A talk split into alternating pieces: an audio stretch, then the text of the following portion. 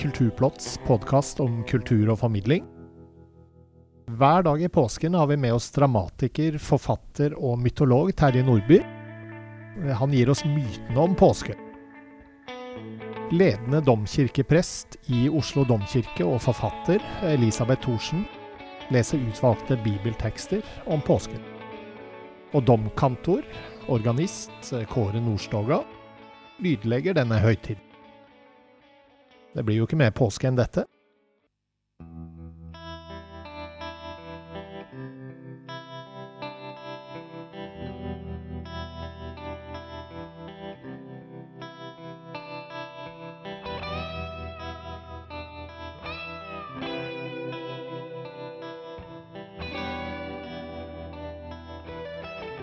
Det er eh, lørdag før eh, palmesøndag, og vi har eh, av Terje Nordby. Kan ikke du Terje fortelle litt om hva du finner så fascinerende med mytene om påsken? Ja, jeg syns jo myter i det hele tatt er fascinerende. Og så har de regjert livene våre i en helt annen grad før. Og det vi har igjen av det, det er jo f.eks. høytidene. Og da er det interessant å finne ut uh, hvilke myter som fortsatt uh, skvulper rundt der, og hvilke som har gått bort på veien, eller blitt eventuelt forandret til andre ting. Og når det gjelder påsken, så er jo det samtidig en uh, feiring av våren. Så veldig mange av disse mytene som handler om våren, handler også om påsken. Da hører vi Terje Nordbys tekst 'Flukten fra Egypt til høyfjellet'. Jødenes flukt fra Egypt er høydramatisk beskrevet i annen Mosebok. Farao lar dem ikke reise. Herren griper da direkte inn ved å hjemsøke Egypt med plager. Aron og Moses berører Nilen med staven, elven blir til blod og fiskene dør. Vannet stinker og blir udrikkelig, det kommer unaturlige froskesvermer, osv. I alt ni landeplager men den tiende er verst. I forbindelse med lammet som skal slaktes til vårens offermåltid, sier Gud. Samme natt vil jeg gå gjennom Egypt og slå i hjel alle førstefødte i landet, både av folk og fe. Men blodet skal være det merket som viser hvilke hus dere er i. Når jeg ser blodet, vil jeg gå forbi. Siden skal denne dagen være en minnedag for dere. Da skal dere holde helg og høytid for Herren. Ved midnatt dør den førstefødte i hver egyptiske familie. Samme natt lar farao hebreerne reise. Full seier, Guds terror, har virket. Opprinnelig var det to fester, en vårfest der ofringen av et førstefødt lam skulle velsigne fruktbarheten, og en åkerbruksfest der førstegrøden av bygghøsten skulle hellige avlingen. Disse smeltet sammen etter bosettingen av Kanaan, med beretningen om flukten fra Egypt som bakenforliggende myte. Å slakte og spise lammet sto sentralt. Noe av lammets blod skulle strykes på dørstolpene til minne om hendelsene i Egypt. Alle skulle ha yttertøy på og spise i all hast, i oppryddets tegn. Når jeg ser blodet, vil jeg gå forbi, denne forbigåelsen, hebraisk pesach, er trolig opprinnelsen til ordet påske. Den jødiske påsken er utgangspunktet for den kristne, som handler om Jesu død og oppstandelse. Og hvordan feirer vi alt dette nå? Holder vi fortsatt helg og høytid for Herren? I en avis som har som oppgave å gjøre norske vaner tilgjengelige for folk som kjenner både vanene og språket dårlig, heter det treffsikkert Mange drar på fjellet i påsken. De vil sole seg og gå på ski. De vil bli påskebrune. De spiser appelsiner og Kvikk Lunsj. De fleste bor i hytter. Hytter er små hus, ofte uten elektrisitet. Noen bor på hotell på fjellet, det heter høyfjellshotell. Mange er med på påskeskirenn eller påskekviss. De spiller brettspill og koser seg. Mange leser krimbøker. En krimbok er en bok om noen som bryter loven, Ofte handler slike bøker om mord. Så enkelt kan det sies. Arons stav er byttet ut med skistaver. De blodige dørstokkene med sol i hytteveggen. Barnedrap med krim. De skiftende myter og tradisjoner påsken har ført med seg gjennom århundrene, og hvordan vi fortsatt feirer påske, vil disse daglige mytekåseriene dreie seg om. Hver dag i påsken eh, har vi besøk av Elisabeth eh, Thorsen, ledende domkirkeprest ved Oslo eh, domkirke. Hun er også forfatter, og debuterer nå med romanen 'Komposisjoner av lys'. Gratulerer med det, forresten. Tusen takk. Men du er eh, med i påskeplottet for å fortelle påskefortelling.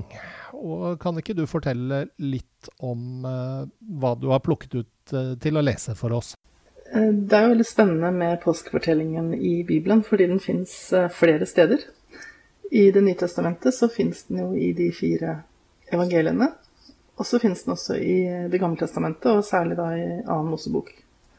Så når jeg skal lese nå i Kulturplott, så har jeg valgt eh, å holde meg til evangelisten Matteus. Men så tenkte jeg at den første dagen så vil jeg lese eh, den jødiske påskefortellingen, som er fra andre Mosebok. Så der vil det jo da være en litt lengre fortelling, og så blir det litt kortere for hver dag som følger etter det. Kan du ikke si litt kort om eh, teksten du skal fortelle i dag, lørdag? Det er jo en tekst som eh, kanskje Jesus, eller helt sikkert Jesus også kjente godt, og disiplene. Fordi at eh, det er bakgrunnen for den påsken som de dro opp til Jerusalem for å feire, som jo var den jødiske påsken. Og det handler jo om frigjøringen fra fangenskapet i Egypt, som jødefolket da feiret at de hadde opplevd og som de feiret med, med påskemåltid og, og fest, og, og, det å huske hva som hadde skjedd den gangen de var i fangenskap i Egypt. Vi hører Elisabeth Thorsen lese første tekst om den jødiske påskefeiringen. Herren sa til Moses og Aron i Egypt. Denne måneden skal være nyttårsmåneden deres.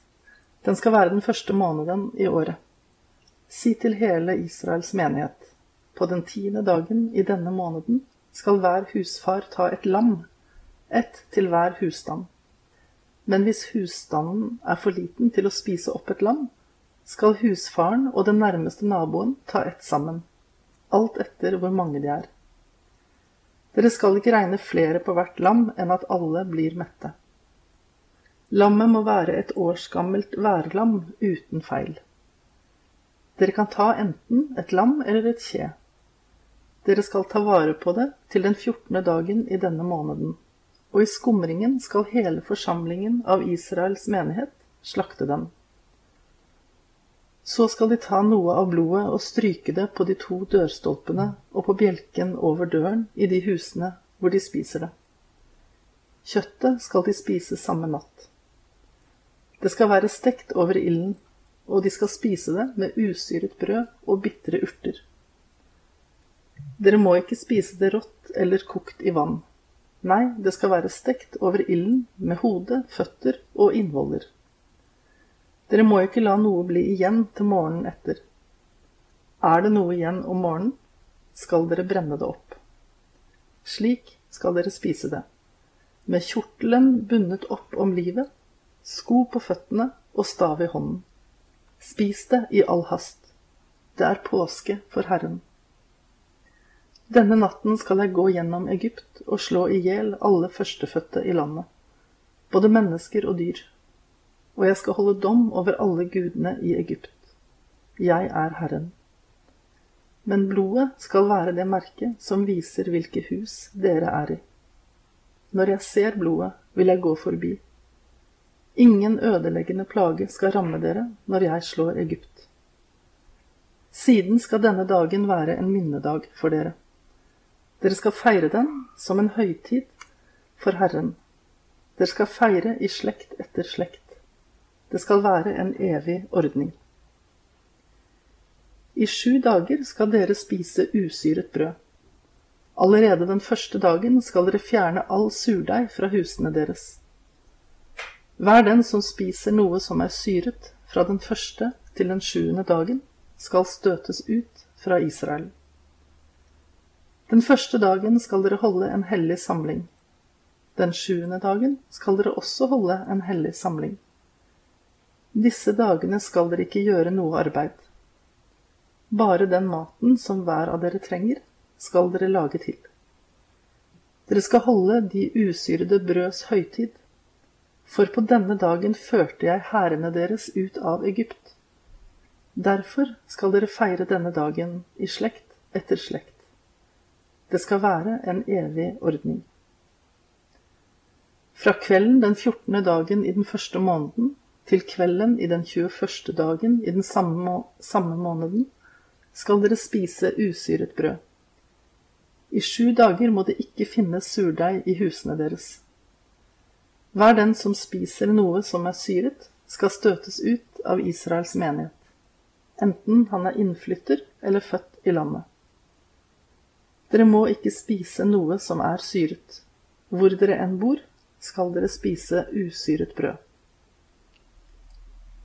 Moses kalte sammen alle de eldste i Israel og sa til dem, Gå og hent småfe til familiene deres, og hent påskelammet. Så skal dere ta en isoppkvast, dyppe det i blodet i skålen, og stryke noe av blodet fra skålen på bjelkene over døren og på de to dørstolpene. Ingen av dere må gå ut gjennom døren til huset før om morgenen. For Herren skal dra gjennom landet for å slå egypterne. Og når han ser blodet på bjelken og de to dørstolpene, skal han gå forbi døren og ikke la ødeleggeren slippe inn i huset for å slå dere. Dette skal dere holde, og det skal være en evig ordning for deg og dine etterkommere.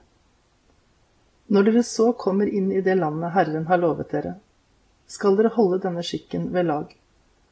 Og når barna deres spør, hva er dette for en skikk, skal dere svare, det er påskeoffer for Herren, fordi han gikk forbi israelittenes hus i Egypt da han slo egypterne, men sparte husene våre. Da bøyde folket seg til jorden og tilba. Så gikk israelittene bort og gjorde dette. Det Herren hadde gitt Moses og Aron påbud om, det gjorde de. Midt på natten slo Herren i hjel alle førstefødte i Egypt, fra den førstefødte hos farao som satt på sin trone, til den førstefødte hos fangen i fengselet, og alle de førstefødte dyr i buskapen. Den natten sto farao opp, han og alle tjenerne hans og alle egypterne. Det lød et høyt skrik i Egypt, for det fantes ikke et eneste hus uten noen døde. Mens det ennå var natt, sendte han bud etter Moses og Aron og sa, Bryt opp og dra bort fra folket mitt, både dere og israelittene. Gå av sted og tjen Herren slik dere ba om. Ta også med dere småfe og storfe deres, som dere har sagt, og dra bort. Be så om velsignelse for meg også. Egypterne presset på folket for å få dem ut av landet så fort som mulig. Ellers dør vi alle sammen, sa de. Så tok folket surdeigen sin, som ennå ikke var hevet. De bandt kappene sine om bakstetrauene og bar dem på skuldrene. Israelittene gjorde som Moses hadde sagt. De ba egypterne om gjenstander av sølv og gull og om klær. Og Herren lot egypterne få godvilje for folket, så de ga dem det de ba om. Slik utnyttet de egypterne. Så brøt israelittene opp fra Ramses og dro, til Sukkot. De var omkring 600 000 mann til fots, foruten kvinner og barn. Mange slags mennesker fulgte med dem, i tillegg til en stor flokk av småfe og storfe. Av deigen de hadde med seg fra Egypt, bakte de, bakte de usyrede kaker som ikke var hevet, for de ble jaget ut av Egypt og kunne ikke vente lenger. Derfor hadde de heller ikke rukket å få med seg mat til reisen. Israelittene hadde da bodd i Egypt i 430 år. På dagen da de 430 årene var til ende, dro alle Herrens hærer ut av Egypt. Det var en våkenatt for Herren da han førte dem ut av Egypt. Denne natten tilhører Herren. Denne natten skal alle israelitter våke i slekt etter slekt. Herren sa til Moses og Aron. Dette er forskriften om påskelammet. Ingen fremmed skal spise av det, men hver slave som er kjøpt for penger, og som du har latt omskjære, kan spise av det. Ingen fremmed som bor eller arbeider hos deg, kan spise av det. Lammet skal spises i ett og samme hus. Kjøttet må ikke tas ut av huset, og beina må ikke brytes på lammet. Slik skal hele Israels menighet gjøre. Om innflytteren som bor hos deg, vil holde påske for Herren, skal alle menn hos ham omskjæres. Da kan han være med og holde høytid. Han skal være som en som er født i landet. Men ingen uomskåret kan spise av det. En og samme lov skal gjelde for den som er født i landet, og for innflytteren som bor hos dere. Dette gjorde alle israelittene. De gjorde alt som Herren hadde gitt Moses og Aron påbud om. Vi har med oss Kåre Nordstoga denne påsken. Han er ledende kantor i Oslo domkirke. Eh, Nordstoga har plukket ut ti stykker som han har spilt inn i eh, domkirken. Og hvorfor har du valgt akkurat disse stykkene, Kåre? Å kombinere tekster og musikk er jo alltid en, en utfordring å finne, finne riktig musikk til riktig tekst. Elisabeth og meg har gjort dette i Domkirken flere ganger. Og det å ramme inn eh, disse sterke tekstene med, med instrumentalmusikk, det, det, gir en, eh, det gir en fin mulighet til å, til å på en måte skape rom da, for de tekstene. Med instrumentalmusikken har jo den fordelen at ikke er, den er ikke konkret. Den er på en måte et rom for at tankene kan kan, kan, leve sitt eget liv, og, og, at man blir mottagelig for de tekstene som kommer. Da. Så disse orgelstykkene har jeg valgt ut og tenkt litt på, på at de skal passe inn og på sin måte beste fall da berike disse tekstene. Hvilket stykke er det du har valgt i dag, Kåre? Det første jeg har valgt, er en uh, meditasjon uh, av Charles Gounod. Han har skrevet Eh, over, han har brukt eh, første preludie fra Bachs Voltemperites i C-dur og lagd en melodilinje over. Senere har har jo kommet en tekst som heter Av Maria på den, og den vil vel noen tenke på, men det er ikke det jeg har tenkt på. Det er, en, det er generelt en, en, meditasjon hvor flere lag legges oppå hverandre, som kanskje kan være en fin inngang til disse sterke tekstene.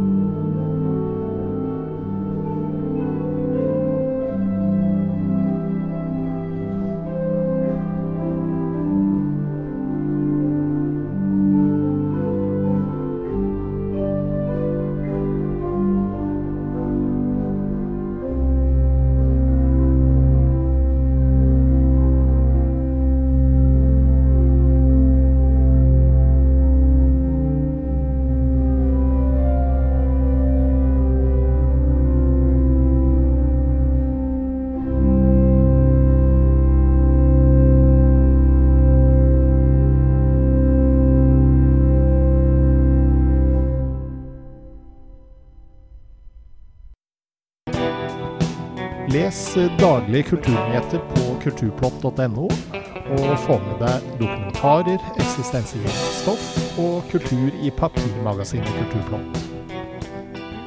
Plottet var ved programleder og teknisk ansvarlig Bård Andersson. For dere som er med oss og lytter til Påskeplottet, har vi et spesialtilbud på abonnement. For tre måneder betaler du bare 99 kroner. Gå inn på kulturplott.no og prøv, da vel.